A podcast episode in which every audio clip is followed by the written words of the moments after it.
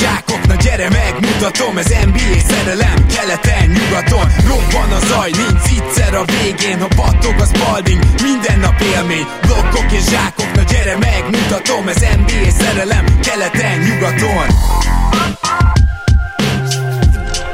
Hey yo! Szép jó napot kívánunk mindenkinek, ez itt a Keleten-nyugaton podcast a mikrofonok mögött Zukály Zoltán és Rédai Gábor. Szia Zoli!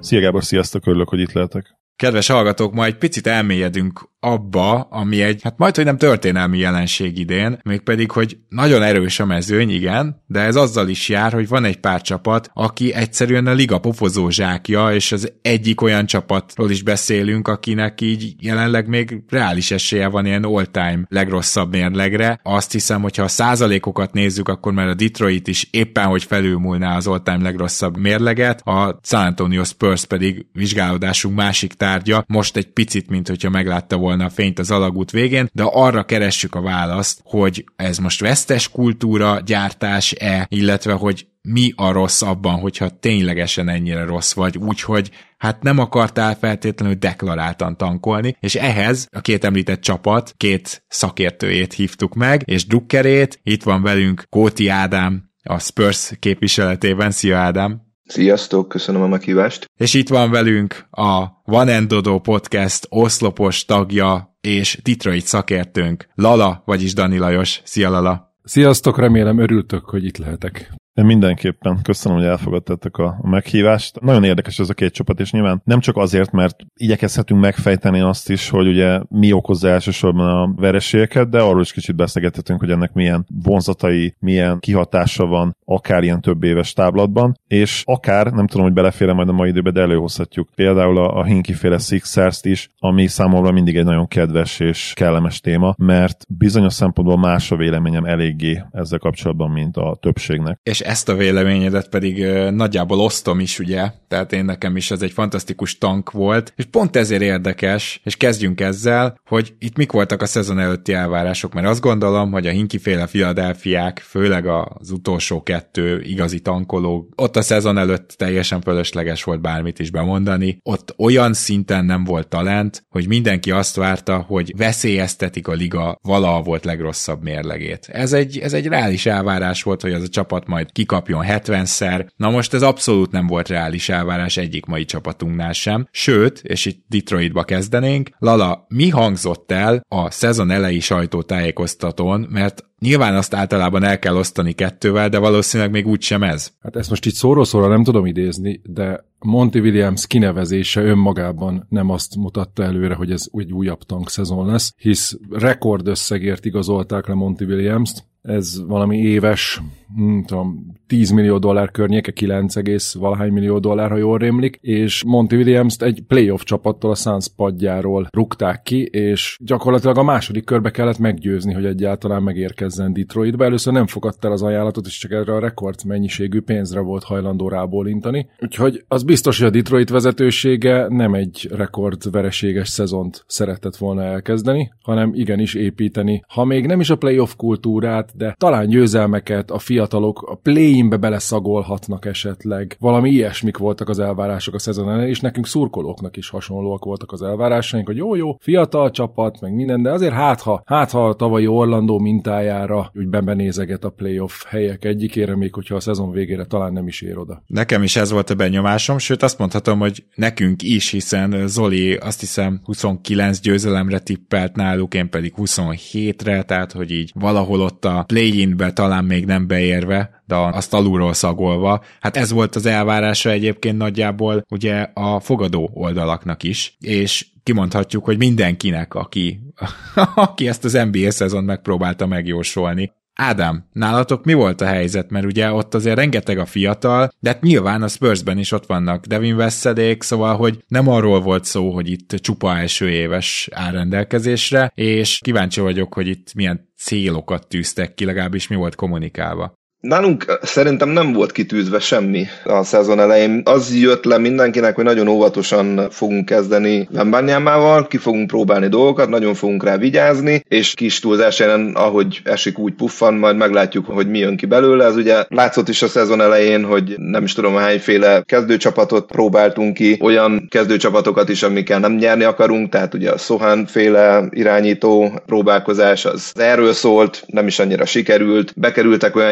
játékosok több meccsre a kezdőbe, akik azért nem, megint csak nem nyerni akarnak, és ez ment elég sokáig, eh, amikor ugye Collins lesérült, akkor váltott a Spurs annyiban, hogy Viktor kipróbálták centerben, úgy tűnik, hogy nem törik össze az első nagy ütközésre egy, nem tudom egy Valenciunasszal vagy Embiiddel, és azóta kezdünk javulni, meg az utóbbi pár meccsen ugye Trey Jones-t is beraktuk irányítóba, mert hát valószínű, hogy rájöttünk, hogy támadójáték csak úgy lesz, hogyha van egy irányító. Nem voltak szerintem különösebb elvárások, annyi volt, hogy itt most belefér a 15 győzelem is, meg majd meglátjuk, ha véletlenül 35 lesz belőle, annak is örülünk. Mi szerintem így indultunk neki. Ez a csapat összeállítás mentalitását is mutatja, hogy nincsenek veteránok, ha vannak, akkor keveset játszanak, most tényleg kirannak próbálva a fiatalok. Most jönne az az idő, hogy Zoli megkérdezlek, hogy keressünk mentségeket arra, hogy miért van az, hogy a rossz csapatok idén ilyen történelmi mélységben vannak, és szerintem nyilván az első, ami eszünkbe jut, az azért nyilván annak kell, hogy legyen, hogy ez nagyon kiegyensúlyozott, nagyon erős most a liga. De azért én nekem még van egy-két dolog a tarsolyomban, kíváncsi vagyok, hogy te mi az, amit mentségként fel tudsz hozni, a Detroit és a Spurs és a Washington és a Charlotte szereplésére, tehát hogy itt ezek a csapatok, ezeknek mind jó lehetőségük van arra, hogy 20 győzelem alatt végezzenek. Általában szezononként egy, maximum két csapat szokta ezt megcsinálni. Itt lehet, hogy négy vagy öt lesz. Hát a mélységet azért mindenképpen megemlíteném, ugye nyilván nem foghatjuk teljes mértékben erre, de hogyha azokat a csapatokat, hogy onnantól kezdjük el nézni, hogy okés csapatok, amelyek tényleg nem bűnrosszak, és nyilván egészen a szuper jó csapatokig felmegyünk, akkor jelen pillanatban keleten szerintem 12 ilyen csapat van, nyugaton meg egyenesen 13. És nyilván vissza kellene lapozgatni így az NBA történelemkönyvein, hogy megnézzük azt, hogy volt-e valaha ilyen mélységű liga, ami a, az eredményeket, net ratinget illeti, de ugye Pándi Gergő barátunk és statisztikai szakértőnk egyszer ezt megnézte nekünk a tavalyi év folyamán, az egyik adás után, amikor ugye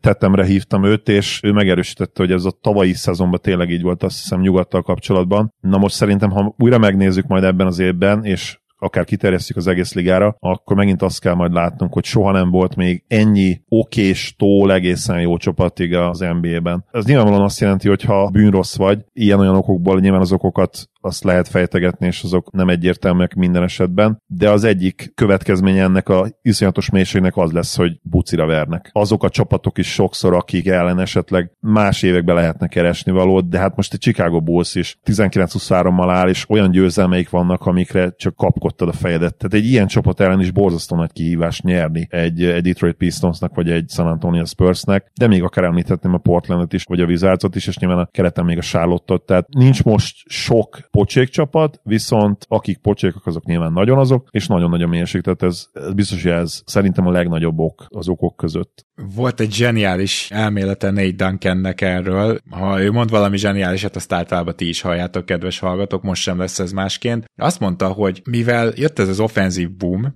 ezért a, és ugye komolyabban veszik az alapszakaszt idén a csapatok, ez nagyon látványos. Ennek a kettőnek a kombinációja azt okozza, hogy a jobb csapat és a rosszabb csapat között, ha kinyílik az óló, akkor az 15 pont. Csak az a probléma, hogy a rosszabb csapat, mert mondjuk, mit tudom én, egy random New Orleans Indiana meccsen, ez egy behozható különbség, de hogyha nincs vagy elég talent, vagy nem vagy elég jó, vagy védekezésbe, vagy támadásba, és ezért nem tudsz ilyen ranokat csinálni, mert ugye valamelyik kell a kettő közül, akkor ezt nem tudod egyszerűen behozni, miközben ugye a korábbi években lehet, hogy kinyílt az óló 8 pontra, és azt meg igenis be lehetett hozni. Ez az egyik Bocs, ha ide vághatok, megnéztem most a net ratingenket, ez olyan igaz, hogy idén 5 darab csapat van, mínusz 10 net rating. Az egyik az 9,9, de nyilván vegyük őket mínusz 10-nek. Tavaly egy ilyen csapat volt a szezon végére. Jelenleg 5, és több közülük bőven mínusz 10 alatt van, van egy mínusz 12-es is. Pontosan erről beszélünk, és ez igazából a történelmi mélység, de nagyon kíváncsi vagyok ez ügyben a tapasztalatokra is, mert Lala, akkor hagyj kezdjünk veled, amikor legutóbb ránéztem a Pistonsra, egy 9 állt a klacsban. Lehet, hogy ez azóta már mit tudom én, 2-10, de hogy mennyire érzed ezt, hogy egyszerűen ilyen támadó ligában túlságosan elmegy a jobb csapat, és nem jönnek azok a kis ilyen olyan bravúr győzelmek, amik korábban egyszerűen már csak a statisztikai valószínűség szerint is kvázi kidobta a gép.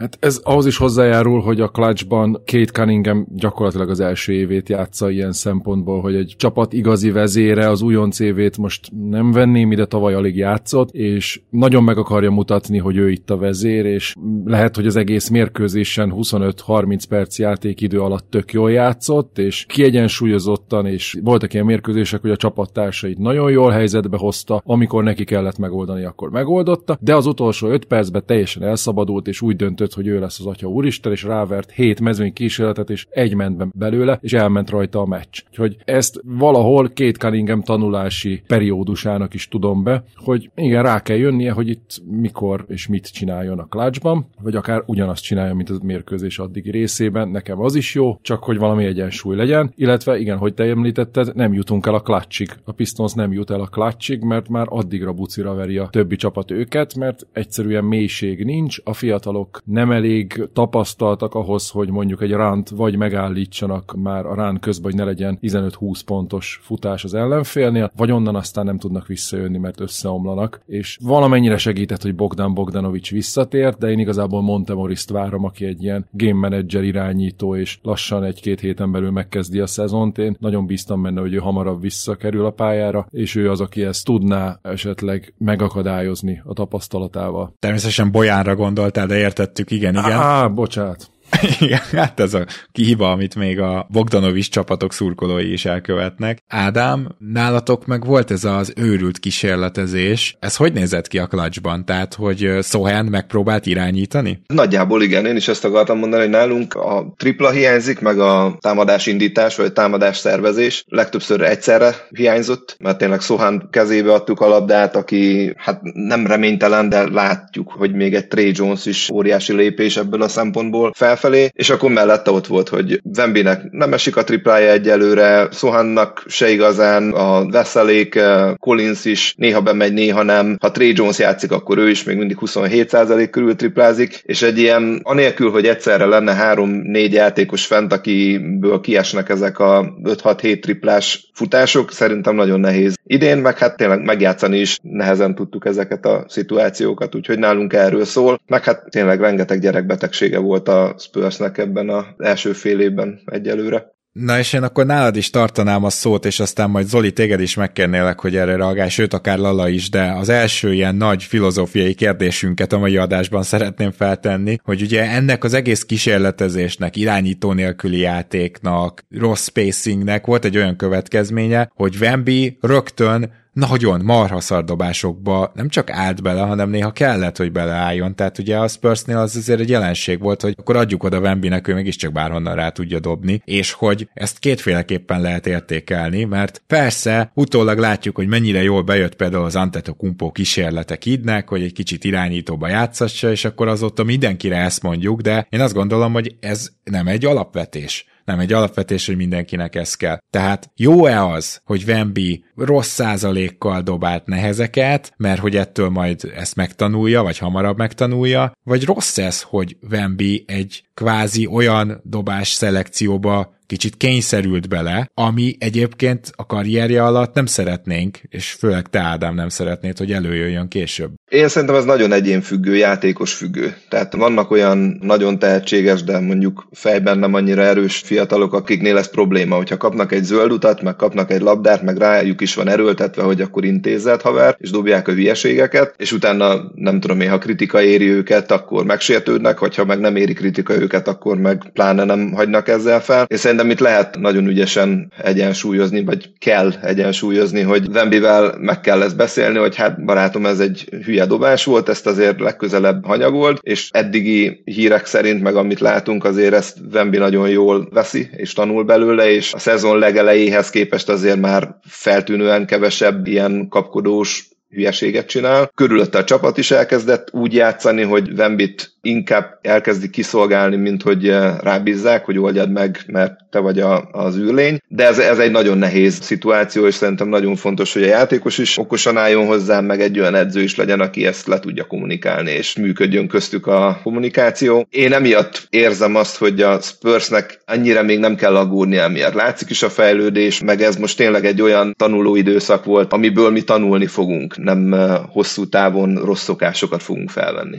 Na, ez mindenképpen egy optimista hozzáállás, Zoli, mennyire osztod, illetve, hogy kicsit behozhatunk plusz dimenziókat is, a Sohen kísérlet, a Wemby négyesben, volt szerinted ezeknek értelme? Szerintem mindenképp, főleg az olyan fiatal játékosoknál, akikre kimondva hatalmas teher hárul már a pályafutásuk elején, nem feltétlenül abból a szempontból, hogy nagyon sok meccset kell nyerniük a csapatukkal, de hanem inkább olyan szempontból, hogy, hogy egy olyan skillsetet kell kifejleszteniük, amivel franchise játékossá válhatnak, és hogyha innen indulunk, szerintem nagyon-nagyon fontos a kísérletszám. Miközben most erről a témáról beszélgettünk, megnéztem az egyik legjobb példát erre, ugye KD-ről tudjuk, többször is felhoztuk az adás során, hogy az első szezonjában nagyon rosszul triplázott, ugye 28%-kal. Igaz, hogy ő az egyetemen egyébként jól triplázott, Carmelo Anthony talán még jobb példa, bár furcsa anomáliaként egyébként ő az első NBA szezonjában 32%-kal triplázott, tehát nem volt annyira rossz, viszont a második évében 26%-kal, harmadik évében 24%-kal, negyedik évében 26,8%-kal dobott, és bár ugye az még nem a modern NBA volt 2004, 2005, 2006, de azért ilyen két kísérlet felett. Tehát mondhatjuk azt Carmelo Anthony, akire úgy emlékszünk ugye a pályafutása végéről, mint egy gyakorlatilag ilyen sharpshooter, aki a liga egyik legjobb open üres dobója volt, és kinek ez is lett lehet legyünk őszinték a szerepe a végére, hogy széthúzza a, a pályát, mint alul méretezett erőcsatár. Szóval hol lett volna egy Carmelo Anthony dobása, hogyha ő az elején tényleg erőlteti a, az inside játékot. Szóval szerintem ez fontos, hogy, hogy ez egyébként Larry Bird-et is lehetne említeni, akire ugye nyilván azért nem annyira jó példa, mert akkor még gyakorlatilag tiltották a triplázást, de neki is van négy szezonja a pályafutás elején, ahol bőven 30% alatt dobált. Nyilván hozzá kell tenni, hogy valószínűleg ezek a kísérletek, amik ilyen egy körüli kísérletek voltak meccsenként, lehet, hogy ezek ilyen lejáró óránál voltak, tehát meg kellene nézni ezeket nyilván az, azokat a meccseket onnan. Mindenesetre azt hiszem, hogy azt kijelenthetjük, hogy gyakorolnod kell NBA kontextusban, helyzetben az off alatt elsajátított dolgokat, és hogyha statisztikai szempontból nézzük meg, akár eredmény szempontjából is, még az ilyen korszakos tehetségeknél is, mint Wemby, az elején ennek nem biztos, hogy lesz eredménye, mint ahogy KD-nél sem volt ennek az elején eredménye. Aztán nyilván az egy nagyon jó kérdés, de hogy erre választ találunk kell, valószínűleg a válasz erre az egyértelmű, hogy nem, nem fogunk választ találni rá, hogy hol megy át ez, abba már, hogy valakinél rossz beidegződések megjelennek. Szerintem ez a tehetségen és a kitartáson múlik. Ha valakinél később nem alakul ki ez, mint készség, akkor az, az egyszerűen nem volt olyan szintű tehetség, akár konkrétan technikai készségben, vagy, vagy mentálisan. Lala, a te véleményedre is kíváncsi lennék a Wemby Sohan kísérletekkel kapcsolatban is, de azért különösen pikáns ez az egész, mert a Detroit az fordítva akarta nevelni például Jaden Ivy-t, és konkrétan Kilian Hayes kezdette a szezon első tizen nem tudom hány meccsén Monty Williams, ami a totális fordított út, tehát itt nem az volt, hogy fiatalok vagytok, akkor hibázhattok, hanem hogy fiatalok vagytok, akkor kerültök pályára, hogyha úgy védekeztek, mint Kilian Hayes, aki ugye egy iszonyatosan nagy mínusz támadásban. Ennek ellenére Monti ez a Hardes egyző akart lenni, és ha jól emlékszem, akkor konkrétan, hát nem is rászóltak, de hát így jöttek ki a hírek, ugye a Detroit sosem volt az a hely, ahonnan nem lehetett híreket kapni a színfalak mögül, szóval úgy szivárogtak ki a hírek, hogy a vezetőségbe is megkérdőjelezték, hogy Monti mit csinálsz Jaden Ivy-val. Kivéve a Blake Griffin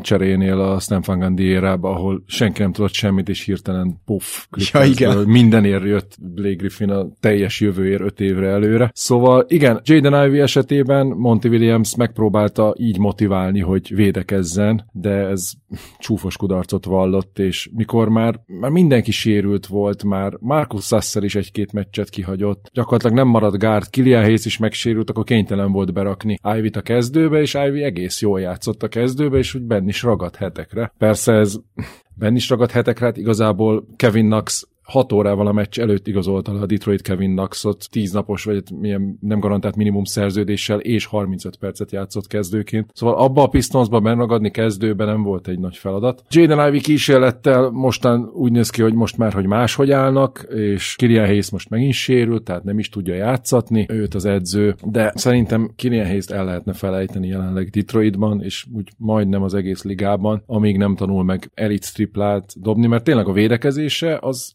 All-NBA szinten is bőven átlag feletti. De hát meg ez igazából ez a Killian Hayes, Jaden Ivey, Kate Cunningham hátvéd sor sem az igazi. Nem annyira jól egészítik ki egymást úgy, hogy nincs mellettük egy elit triplázó négyes és egy hármas. Bojan Bogdanovics egy elit triplázó hármas lehet, de kellene egy olyan négyes, akár csak egy gyengébb verziót tekintve egy Kelly Olinik már tökéletes lenne. Ugye Jalen Duran az megkérdőjelezhetetlen, mint fiatal center tehetség, de egy ilyen volume triplázó, vagy egy Kevin Love, és akkor itt lehetne felfelé menni, hogy a hasonló kategóriájú, csak sokkal jobb játékosokban, amíg nem áll össze ez a nehéz tüzérség Jalen Duran és Kate Cunningham köré, addig nem látom azt, hogy Jaden Ivey hogy kerülhetne be úgy, hogy annak haszna is legyen, amikor egyszerre van a pályán ezekkel a srácokkal. Aha, de mondjuk milyen következtetést vonnál le abból, hogy ez a kísérletezgetés, hogy akkor mi most a lehető legjobb line állunk fel, ez ilyen történelmi mélységekbe vitte a Pistons. Tehát, hogy csak azért mondom ezt, mert azért az érdekes kérdés, hogy itt hogy állhat ennyire rosszul egy olyan csapat, amelyik ennyire hangsúlyozottan nyerni akart.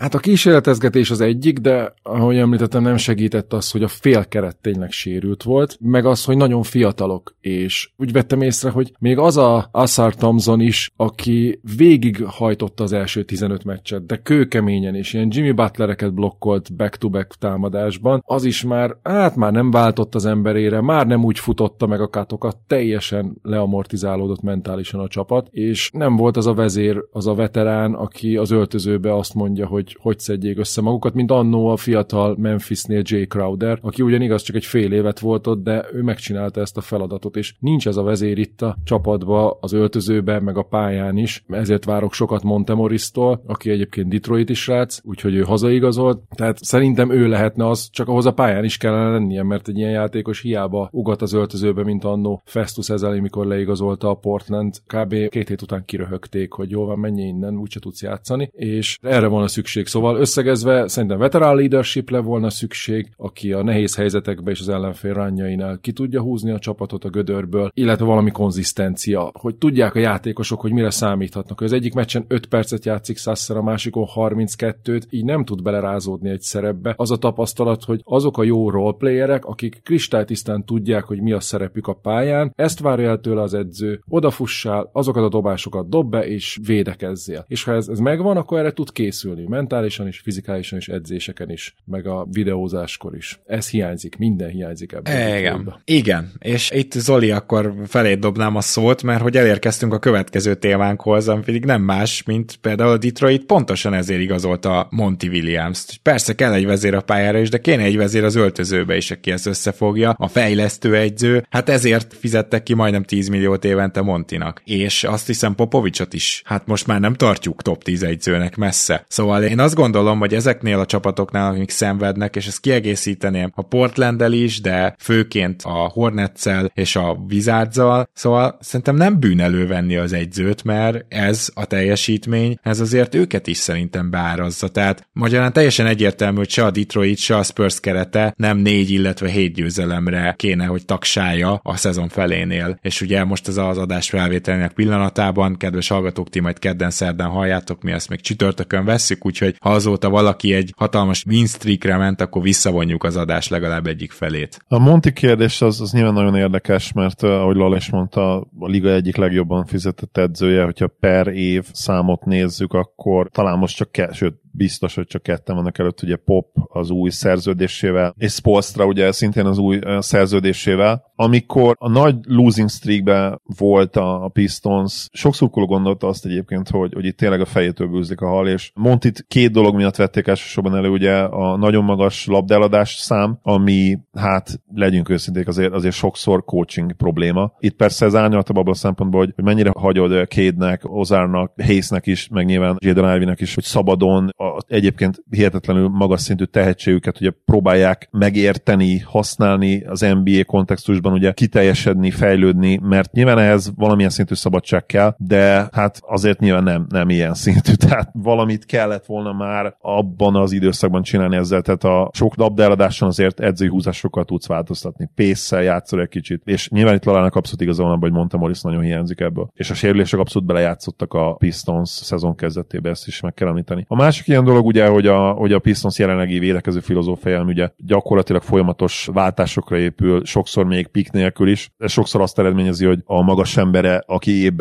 van, messze kerül a gyűlítő, mondjuk Ázia Stewart például jellemzően kitolják őt a tripla vonal környékére, és sokszor tényleg elég akár ilyen fake slip screen is ahhoz, hogy, hogy teljesen hazavágják gyakorlatilag a Pistons védekezését. Tehát van ez a fejetlen csirke hasonlat, és ha egy csapatot kellene választanunk idén, amelyikre ez igaz, támadásban is és védekezésben is az egyértelműen szerintem a Pistons lenne, és ez biztos, hogy edzői felelősség, és ezt nyilván elmondta sokszor is Monti. Monti mindig olyan jókat tud nyilatkozni, de nekem kicsit egyébként már az interjúval is problémáim vannak, hogy persze elmondja sokszor, hogy én felelősségem, de hogy nem feltétlenül érzed azt, hogy nagyon sok minden változik, és nyilván ezt a Suns évek végén mi fejtegettük többször, hogy akkor lehet, hogy Monty Williams mégsem annyira jó edző. És vannak edzők, akiknek kifut egy-egy szezon, mint például ugye nála a döntős szezon, és felrakod egy bizonyos polcra, mint szurkoló, mint, mint akár ugye podcaster a mi esetünkben, aztán rá kell, hogy jöjj arra, hogy túl korán hoztad meg ezt a véleményt, túl korán jutottál erre a véleményre, és biztos benne, hogy Monty Williams-t ma egy edzőlistán, hát biztos, hogy nem raknánk be szerintem már a top 15-be se, ellentétben ugye azzal, amit két-három éve csináltunk, és majd szeretnék beszélgetni mindenképp arról is, ugye, hogy bár az tényleg ilyen pszichológiai fejtegetés témakör lesz már, de szerintem ettől függetlenül érdekes téma, hogy miért nehéz egyébként egy olyan csapatnak, ahol rengeteg fiatal van, mert erre van egy elméletem. Erre vissza is szeretnék térni, és Lalának is majd szeretném megengedni azt, hogy reagáljon itt a Montis részére is, de most Popovics és Ádám felé fordulnék, mert hogy ugye már mi a nyári beharangozóba is azért mondtuk, hogy hát Popovics már, hogy is mondjam, csak kicsit nyugdíj díjas egyző, nem csak a életkor értelmében, hanem abban az értelemben is, hogy Popovicstól már valószínűleg nem várhatod azt, hogy úgy a liga előtt járjon, mint ahogy mondjuk Eric Spolstra. Tehát, hogy tényleg olyan érzése van az embernek, ha Spolstrát tetted volna az elején a Spursbe, akkor a Spurs az most 16 győzelemnél járna, mégpedig pont azért, mert Spolstránál látod azt, hogy amikor a félkerete sérült, ő akkor is össze tudja rakni úgy a rendszert. De ez pont az Oli által említett fiatalokkal való rendszerépítés problémája egy egyébként valószínűleg, hogy ezt nem is biztos, hogy meg lehet csinálni, de arra vagyok kíváncsi, Ádám, hogy most hogy látod Popovics szerepét, és mi az a maximum időtartam, amíg, amíg te őt. Nem azt akarom mondani egy ilyen legendás egyzőről, hogy elviselnéd a padon, de szerinted meddig kell neki még ott maradnia, mert azért szerintem az is teljesen egyértelmű, hogy ő már nem tartozik a top egyzők közé, és ennek is köszönhető azért a San Antonio mérlege. Pop nagyon érdekes eh, szituációban van most az utóbbi két évben szerintem, mert ugye itt a winning culture-ről, meg losing culture-ről beszéltünk, ugye a Spurs volt az, akit azért kritizáltak, mert nem veszítettek eleget, és ez, ez valószínű, hogy Popnak a mániája volt elsősorban, hogy ugye amikor Kavája megtörtént a probléma, akkor is nem a fiatal csomagot választotta, hanem Demar derozan hogy megyünk a playoffért, play-ért, erőltettük a dolgokat, és itt tavaly előtt jött ugye az a szituáció, hogy na jó, akkor itt ugye Dejounte Table csináltunk egy jó asztát, hogy utána csináljunk belőle három first round picket. Tényleg abszolút fiatal csapatunk lett, és ugye tavaly évelején bejelentette Pop, hogy nem fogunk bajnokságot nyerni, viccelődve, és tényleg elengedte a dolgot, és ráment abszolút a játékos fejlesztésre, és elengedte azokat a dolgokat, ami előtte pár évig volt, hogy nem tudom, fiataloknak ki kellett szorítani a Marco Bellinelliket, meg a Rudigéjeket először a csapatból, és nem kaptak 10-20 perces lehetőségeket. Bocs, bocs Ádám, de itt rögtön bele kell szúrnom egy kérdést. Hol van ennek a játékos fejlesztésnek az eredménye? Mert hogy itt tavalyról gyakorlatilag senki nem fejlődött. Jogos, abszolút. De hát nem tudom mennyire jogos. Valamennyire jogos. Tehát ugye kiugró nagy lépésünk nincsen, de azért azt nem mondanám, hogy mondjuk egy Devin Vessel nem, nem lenne sokkal jobb játékos, mint a kettővel ezelőtti szezonban. Ilyen Julian Champenik ugye játszani se játszanának, most meg eh, kezdő és néha egészen jól játszik. Kiugró, ilyen hirtelen kifejlesztünk magunknak egy, nem tudom én, egy Janniszt, ilyen valóban nincsen, meg még megközelítőleg se, de most másképp áll ehhez a dologhoz Pop. Az idei szezon is ezt mutatja, hogy én szerintem azért is próbálkoztak ennyi különböző line ezért nem kezdett Trey Jones, mint egyetlen normális irányító, hogy az elején nem baj, ha veszítünk egy csomót, legalább akkor eldől, hogy nem kell playoffért hajtanunk, és akkor ez egy tényleg egy ilyen óvatos szezon lesz. Pop kérdésére visszatérve, én elég régóta úgy gondolkodok Popról, hogy úgy volt zseniális edző, hogy zseniális edzői stábja volt, és zseniális csapata. Tim Duncan, és hát főleg Duncanre gondolom azt, hogy, hogy neki nagyon kult szerepe volt abban, hogy Pop működjön az alatt a két évtized alatt, és ebből ugye már Duncan sincs, a segédedzők is elmentek mentek már máshova, most nincs igazán utánpótlás, úgyhogy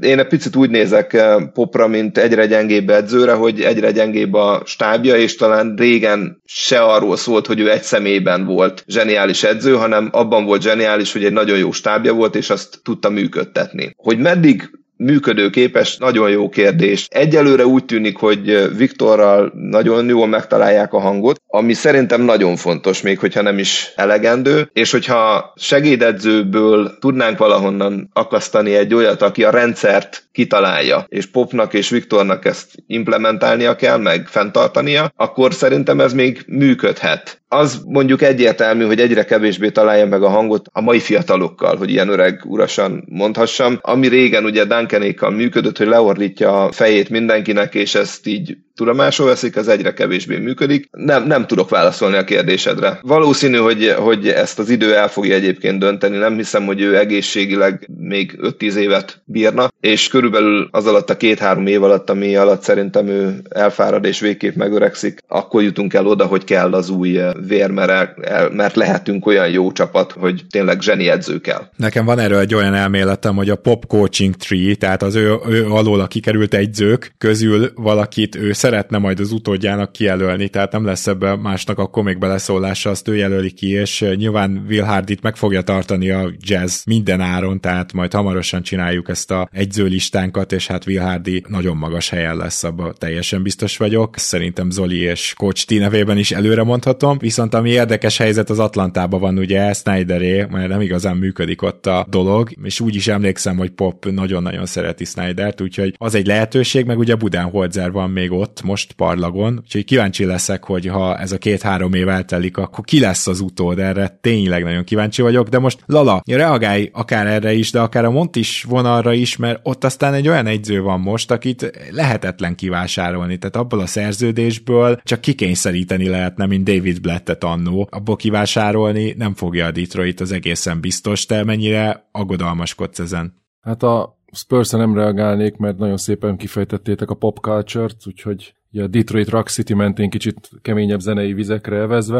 A Detroitnál úgy néz ki, hogy Monty williams szépen beépültek abba a sor mintába, hogy a bukott évedzőjéket leigazolják, akik éppen szabad lett, ugye Dwayne Casey több éves szenvedése után Monty Williams is ide került, és nem csak a egy per kettes bukottakat gyűjtötte a Detroit, hanem a bukott edzőket is. Ezzel a szerződésen nem látom azt, hogy ki lehetne őt vásárolni, mert ez, ez hülyeség, nem fog kifizetni a tulaj 70 millió dollárt azért, hogy úgy se nyerjünk. Se idén, se jövőre valószínűleg. Én kicsit skeptikus voltam, amikor leigazolták Monty Williams-t, hogy miért nem a fiatal, ilyen fresh, ilyen új impulzusokkal rendelkező csapathoz miért egy ilyen idősebb, ha bár nagyon jó embernek tartják Montit, meg nagyon kedves ilyen play player coachnak, de mégis hiányzik belőle az, ami igazán nagy edzővé tenni a csapatot, vagy úgy egyáltalán a csapatait, és ezért például egy ilyen Charles Lee, ha jól mondom, az annó segédedzőt, aki több csapatnál is megfordult, és többször interjúzott a Detroittal, az ilyen fiatal, még edzői padot nem kapó edzőket sokkal olcsóbban meg lehetne próbálni, és lehet, hogy kijönne belőle, mint Will Hardyból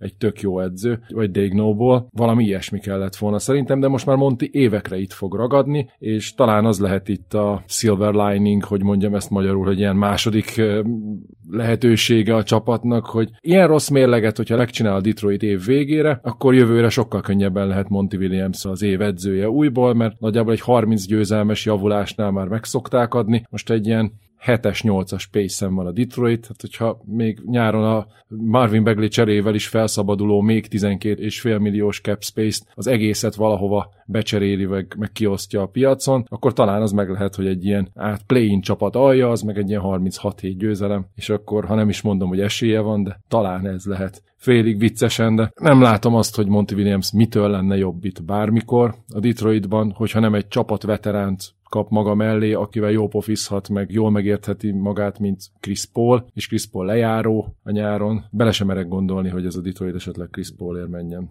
Úgyhogy Jézus. Sem, semmi, semmi, semmi jót nem tudok mondani, de bármit el tudok képzelni. Mert azért nem cseréljük el Bojan Bogdanovicsot, ezt így nyilatkozták, mert nem akarnak történelmileg rekordot dönteni a legkevesebb győzelemmel. És inkább nem kér a csapat eszeteket Bojan Bogdanovicsért, csak nyerje nekünk három meccsel többet idén. Hát bezzeg Alec Burks, meg a hírek szerint lehet mégis elcserélitek, pedig hát akkor őt sem nagyon kéne. Na mindegy, igen. Zoli, azt hiszem, hogy most elemedbe lehetsz, mert az a téma jön, amit már régóta szeretnél kibeszélni. Szóval, hogy ugye miért nehéz fiatalokkal nyerni? Nagyon érdekes összehasonlítani bármelyik csapatot mondjuk a Hinki-féle Philadelphiával, mert ugye a vesztes kultúrában az volt ott, a, ami a felmentést jelentett, hogy azokból a játékosokból senki nem maradt ott Filibe. Tehát ott úgy tankoltak, hogy tudták, hogy azok a játékosok, akik ott vannak, azok nincsenek benne a jövő csapatában. És persze Covington egy ideig még ott volt, meg nyilván találsz egy-két gyöngyszemet, de érted, mit mondok? Ez bizony egy teljesen másik helyzet. És ezért itt viszont, hogyha jön két ilyen szezon, ami ilyen hinkiféle szezon, azokkal a tehetségekkel, akivel elvileg építenél, annak azért szörnyű hatása lehet.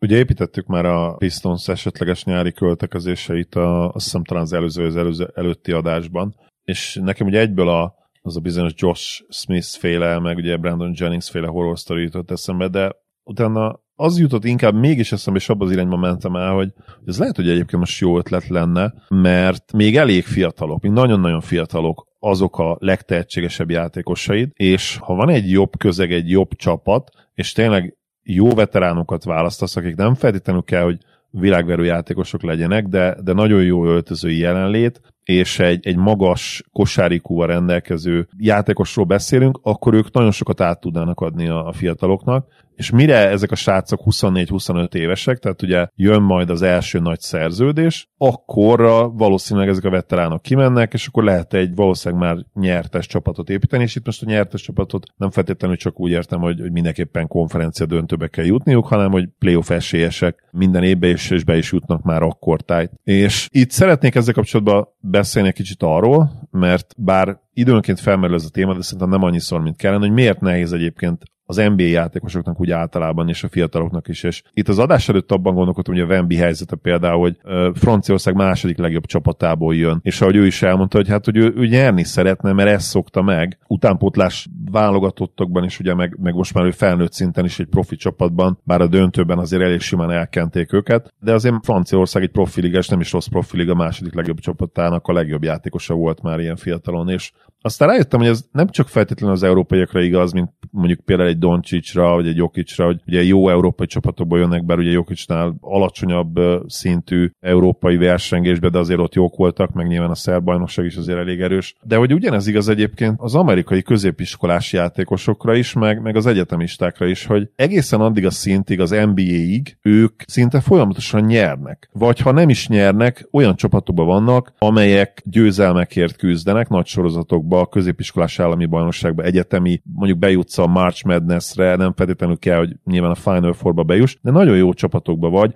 és ott vagy a legjobb játékosok között. Ugye van egy ilyen szinte mindenkire igaz mondás, hogy aki az NBA-be játszik, a legnagyobb kutyaütő is, ő a középiskolai csapatának a legjobb játékosa volt és aztán a, az egyetemen mondjuk kezdő volt legalább, de, de inkább ott is a jobbak között. És akkor elérkezel az NBA-be, ahol nem csak, hogy nem biztos, hogy nyerni fogsz az első évekbe, hanem ez is előfordult, hogy rengeteg vereséget szenvedsz a csapatoddal, és már nem te vagy a legjobb, és ez egy hihetetlen pszichológiai teher lehet ezeknek a fiataloknak, és meggyőződésem, hogy abban az egyenletben ez az egyik ilyen változó, hogy ki milyen gyorsan és mennyire tud fejlődni, mert ezek szinte kivétel nélkül rohadtul tehetséges játékosok, de az NBA egyszerűen egy olyan szintű ugrás, mentális felkészültségben, technikai készségekben, a gyakorlásra szánt időben. Tényleg és, nekik... Bocsit, még egy egyet említsünk már meg, a védekezés taktikai átlátásában. Tehát a, egyszerűen, igen, igen, igen. főleg az NCAA, amelyiknél azért nagyon kevés NBA defense-re emlékeztető dolog van, ott óriási, óriási a lemaradás. Nem véletlenül látjuk azt, hogy első, meg másodéves játékosok azt se tudják, hogy hol vannak védekezésben.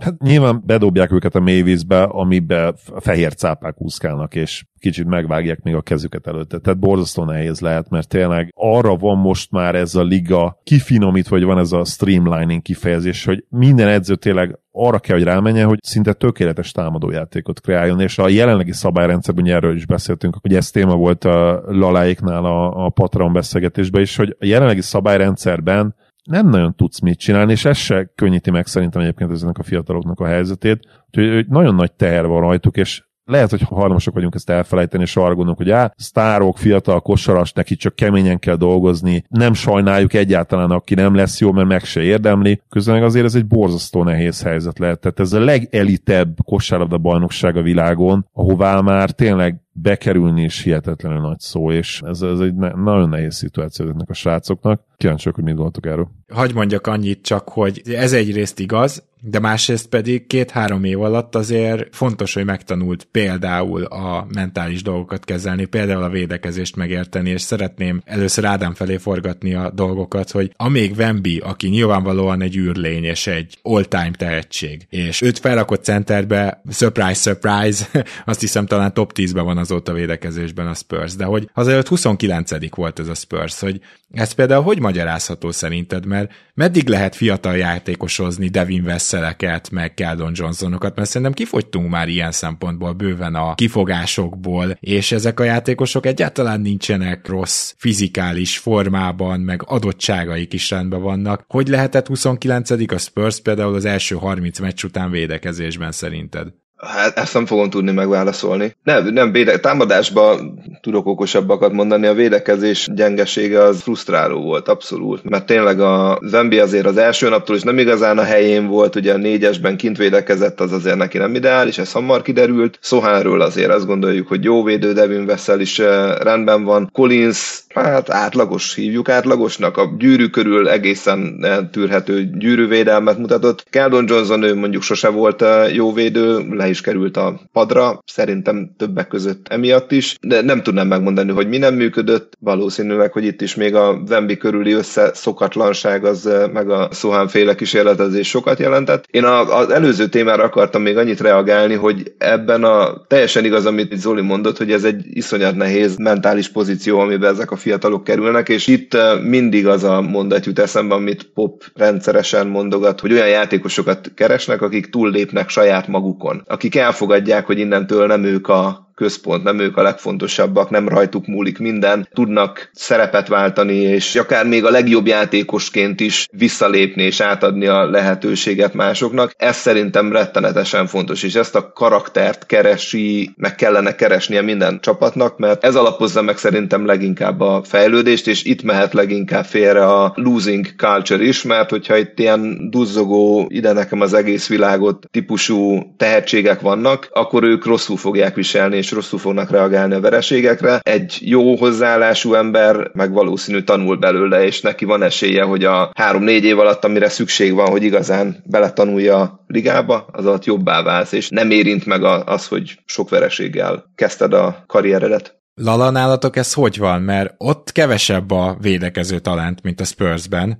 de ettől függetlenül miért automatikus az, hogy a Detroit bottom 5-ba van? Tehát, hogy ezt szerintem azért fel lehet tenni ezt a kérdést nálatok is, bár hozzáteszem, hogy a Detroitnál támadásban nagyobb a kérdés, mert ugye mondtad, hogy nem illenek össze, és nincs elég spacing, de éppenséggel talent az van. Támadó talent az biztos, hogy van a Detroitban. Pont ennek a fényében nevetséges ez eddig összeszedett négy győzelem. Hát úgy érzem, hogy igazán rim protector center, ha bár Jalen Duran ez a tehetség, akiből egy nagyon jó rim protector centert várok, de ő a második évére kb. 20 évesen még közelében nincs annak fejbe, hogy ezt összerakja. A tavalyi évben újonc szezonjában rengeteg faltot ütött, most már kevésbé van falt problémákba, de még mindig nem érzi azt, hogy pontosan mikor, hova, és hogyha nincs meg a, az amúgy is ilyen hát illegő-billegő Kilian oké, okay, Assar Thompsonnal nagyon jó, de, de más nincs, nincs, aki ilyen periméter védelmet összehozzon. A periméter nem húz egy falat, akkor mögötte valakinek ki kell segítenie őket, és Jalen Duran még közelében nincs egy fél Rudy Gobernek se, és körülbelül ez a csúcs Rudy Gobert tudta ezt megcsinálni Utahba.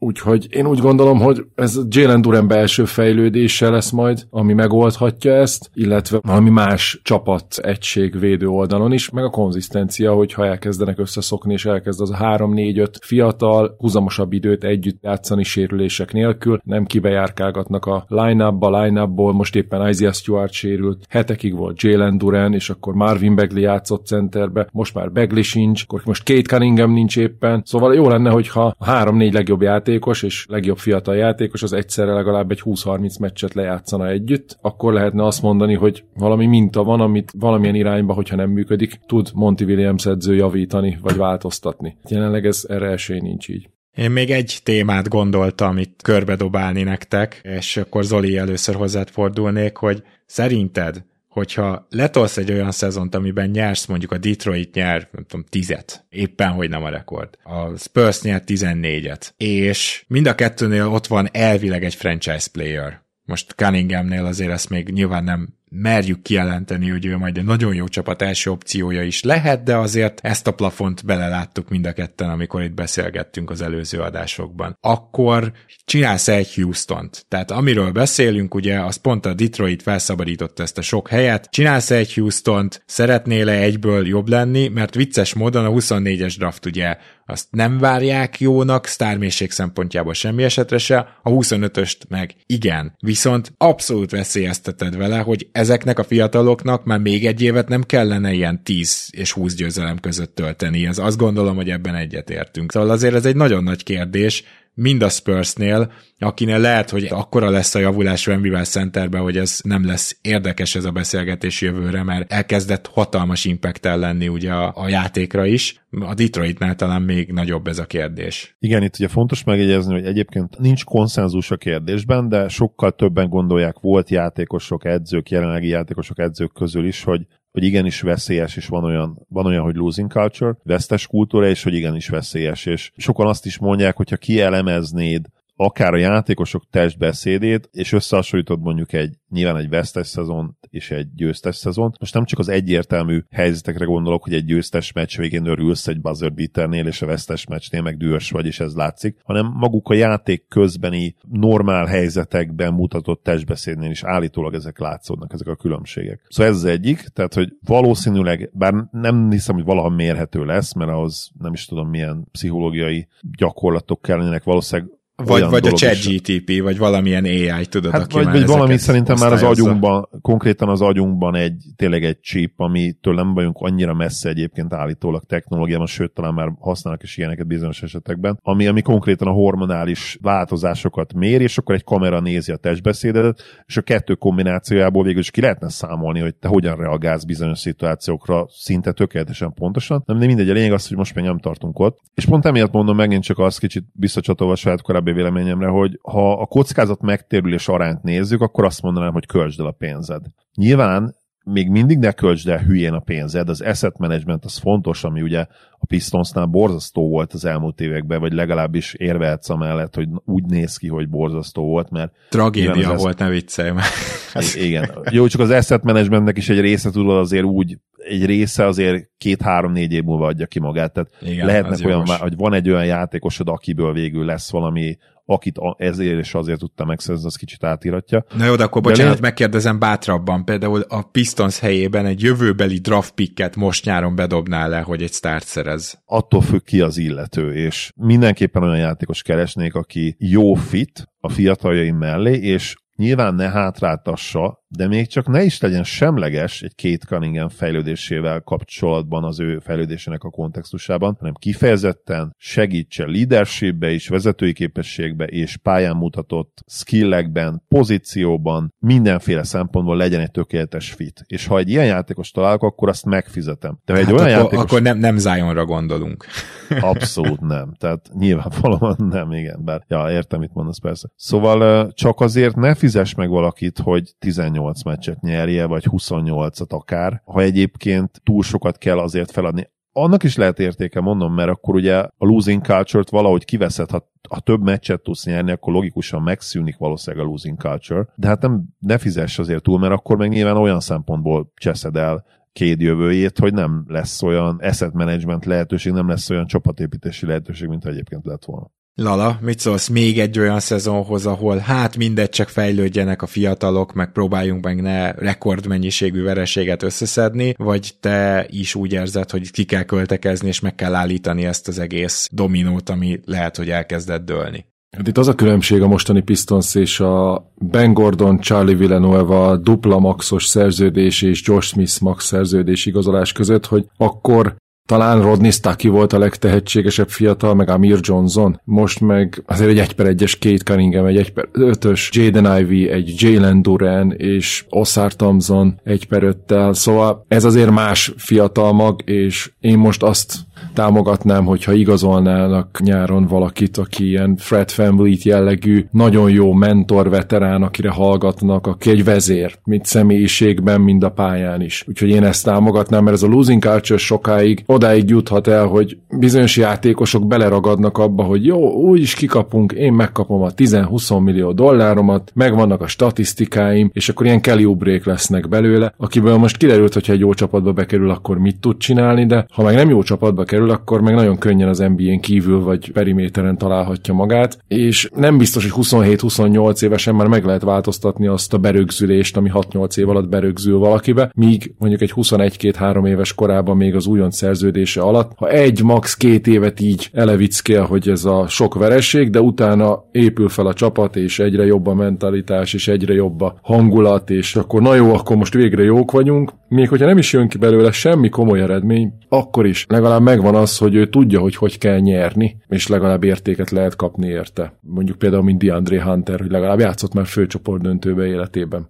Ádám, te hogy állsz ez a kérdéshez nálatok? Ráadásul az idővonal egy kicsit mert ezt reális meggyorsítani, mert Wembanyama vélhetően már harmadik évében All-NBA szintű játékos lesz. Én szerintem ez abszolút nem túlzás kijelenteni. Nem, abszolút egyetértek. Én is azt gondolom, hogy nálunk, ha lesz kire, akkor érdemes betolni az eszeteket, a capspace bármit. Meg én úgy érzem, hogy nálunk van egy nagyon egyértelmű hiányposzt, ugye egy jó irányító, labdás, szervező figura. Ha egy olyan embert le tudunk akasztani, akár tényleg egy ilyen Fred Van Fleet szintűt, nem feltétlenül kell All NBA szintűt, akkor szerintem nekünk érdemes megfizetni, mert onnantól szerintem nagyon sok minden helyére kerülne. Onnantól Sohannak nem kell irányítani soha. Trey Jones mehet a helyére nagyon jó csereirányítónak, Keldon Johnson is mehet a padra, és akkor ott szerintem nagyon sok minden helyére esetne, és onnan lehet, mehetünk tovább. Egy kérdés muszáj neked feltennem, mert végre beszélünk erről, és nem állom meg itt az adás legesleg végén, hogy tudom, hogy nem váltaná meg a világot, de Devonté Graham miért nem játszik nálatok? Ez egy nagyon jó kérdés, mert ugye azt megléptük, hogy na jó, akkor kell az irányító Trey Jones, akkor játszon kezdőve, de akkor a padon miért nem lépjük meg ugyanezt? mert ott meg ugye nincsen irányítónk, és Devonté lenne szinte egyértelműen a legjobb csere irányítónk itt. Ne, nem tudom, nem tudok se plegykát, hogy rossz fej lenne, vagy ilyesmi, amikor játszik, akkor jól játszik, fura. Itt valószínű, hogy a fiatalokat akarjuk többet úsztatni a mélyvízben, más ötletem nincs. Hát minden esetre azt a bizonyos díjunkat, ami a legtürelmesebb veteráné, azt lehet, hogy utcahosszal el fogja vinni az év végén a keleten-nyugaton díjkiosztón. Ádám, akkor először neked, ha már nálad volt a szó, nagyon szépen köszönöm, hogy ma itt voltál velünk. Én is köszönöm, örülök, hogy hívtatok. Lala, neked is köszönöm, és ha van mit promóznod esetleg a Vadendodóval kapcsolatban, akkor itt a helye. Köszönöm, hogy meghívtatok. Kicsit fura is volt, hogy senki nem üvölt a túloldalon a mikrofonból az arcomba, miközben mondok valamit, hanem ilyen teljesen kultúráltan lehet mélyen belemenni témákba. Hát nálunk kicsit más a hangulat, de pont ezért jó, hogy ti, ez, de, ti ezer éve ezt csináljátok, és mindig ilyen deep dive-okat nyomtok az elemzésekbe. Mi meg általában üvöltözünk egymással a túloldalon, és próbálunk jól szórakozni adás közben is, nem csak amikor hallgatunk hallgatunk titeket, hogy egyéb podcasteket külföldről, úgyhogy köszi a lehetőséget, és köszi, hogy bemondhatom, és aki szeretne hallgatni minket, az a Varendodó podcastre keressen rá. Egyébként meg köszi, hogy csináljátok ezt, és találkozunk, nem tudom, hogy lesz-e idén egyéb közös adásunk, de remélem, ha valami mese, vagy valami trade elemzések, mock draftok, vagy mock free agency legkésőbb akkor. Megígérhetem. Én is köszönöm, hogy itt voltatok, srácok, és hát Lalár reflektálva, én nagyon remélem, hogy lesz még, ugye van egy közös adásterv, de én nagyon szeretnék majd egyéb podcasteket is a következő hetekben, de ugye itt nem merek még érni semmit, mert itt Gábor a főnök ebből a szempontból, és ő fogja eldönteni, hogy mi fér bele, és mi nem, meg nyilván az ilyenkor neki extra munka, ugye a mese az, ha jól emlékszem, Gábor mostanában ki szokta váltani a Trade Deadline podcastet, jól mondom? Hát ez így van, mert ugye a mesére egy gyenge kettő hetet készül általában, mire Igen, kész úgyhogy, úgyhogy valószínűleg Trade Deadline podcast nem lesz. Én azokat nagyon élvezem egyébként, de ha más nem, akkor majd a draft, mock draft podcastet megcsinálják, és akkor ott bepótoljuk egy kicsit ezt, vagy a nyári mock free agency podcast, ott azt hiszem Ott volt, hogy kettő is volt mind a kettő, de talán tavaly nem volt mind a kettő, ugye? Igen, tavaly nem volt, a draftot megígérhetjük, az mindig van. Jó, szuper. Alig várom. Mi, Örülök, mi fogunk csinálni, bocs, hogy közel, mi fogunk csinálni egy ilyen trade deadline követő live-ot, remélhetőleg videós formátumban, ahova így be lehet csatlakozni. Na szeretném azt megcsinálni, hogy milyen élőképpel akár be lehessen csatlakozni másoknak is elmondani a véleményt. Úgyhogy ha már mondjuk trade deadline adás nem lesz, akkor gyertek oda be, és ott dumáljuk ki a fél délután alatt a deadline-kor a dolgokat. Yes, yes. Na, én, én beneveznék abszolút. Köszönöm még egyszer, hogy itt voltatok. És én meg örülök, hogy itt lettem. Szia Gábor, sziasztok! Szia Zoli, neked is köszi, és kedves hallgatók, remélem, hogy élveztétek ezt az adást is. Egyző sorrend van kilátásban, aztán valamikor majd beszélgetünk a másodéveseinkről is, úgyhogy jövünk érdekes adásokkal, és hát közeledik a trade deadline, és az azt jelenti, hogy közeledik a mese is, úgyhogy ezt se felejtsétek el. Nagyon szépen köszönjük, hogy velünk tartotok, hogy támogattok minket. Sziasztok!